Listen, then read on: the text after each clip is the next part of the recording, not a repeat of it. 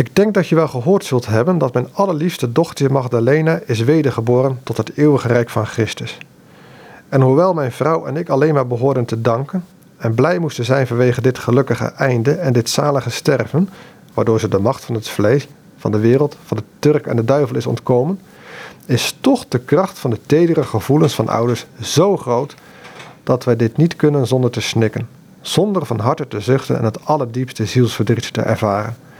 Want iedere trek, ieder woord, iedere beweging van dit levende en stervende, dit allergehoorzaamste, zeer volgzame en zeer liefhebbende dochtertje, staat zo diep in ons hart gegrift, dat zelfs het sterven van Christus, waarmee immers geen ander sterven te vergelijken is, de droefheid niet helemaal, zoals het zou moeten, kan verdrijven.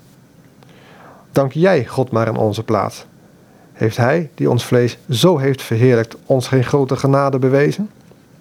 Je weet dat zij, zijn dochtertje dus, zo'n mild, zacht en vriendelijk karakter had.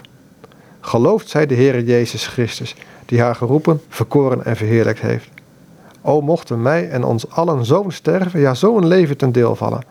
Dat alleen smeek ik van God, de Vader van alle vertroosting en barmhartigheid.